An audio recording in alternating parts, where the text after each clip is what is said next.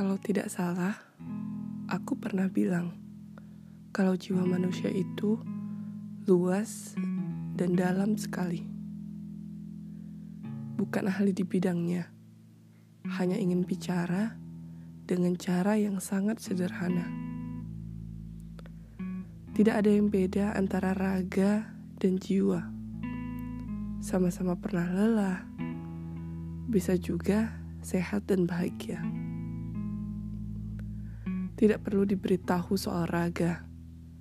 Kalau mulai lelah, kita tahu butuh istirahat dan minum vitamin.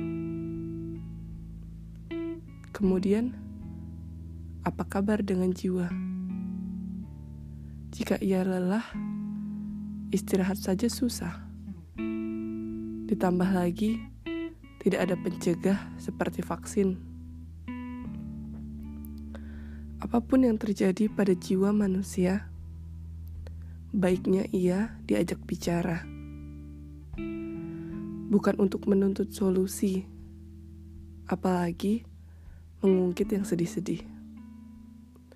Setidaknya bisa lebih tenang sedikit dan tidak menyakiti diri. Percaya atau tidak, manusia itu tidak salah kalau pernah meragukan diri sendiri. Tidak salah kalau pernah lelah dan ingin berhenti. Tidak salah juga kalau pernah merasa sakit hati lalu inginnya menyendiri. Tapi kemudian bisa jadi salah kalau didiami dan makin menjadi-jadi. Perlu diingat, kamu hidup di bumi tidak sendiri.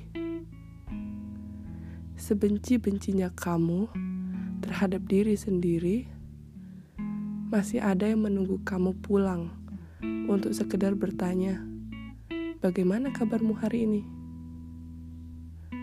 Sekeras-kerasnya hidup, kerabat yang jarang terlihat masih terus berusaha biar duniamu tidak redup.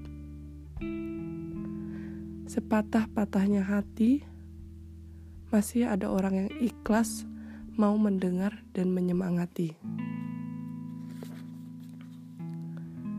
Jangan pernah merasa hidupmu tanpa siapa-siapa.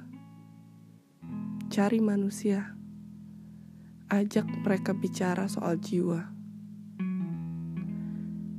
Jiwa manusia itu kompleks sekali, sulit dipahami kalau mereka tidak mengerti, mungkin kamu bisa pergi ke yang ahli.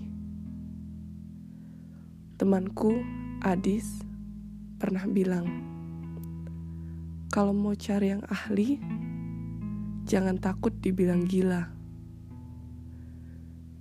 Karena raga dan jiwa itu sama. Sama-sama butuh diobati.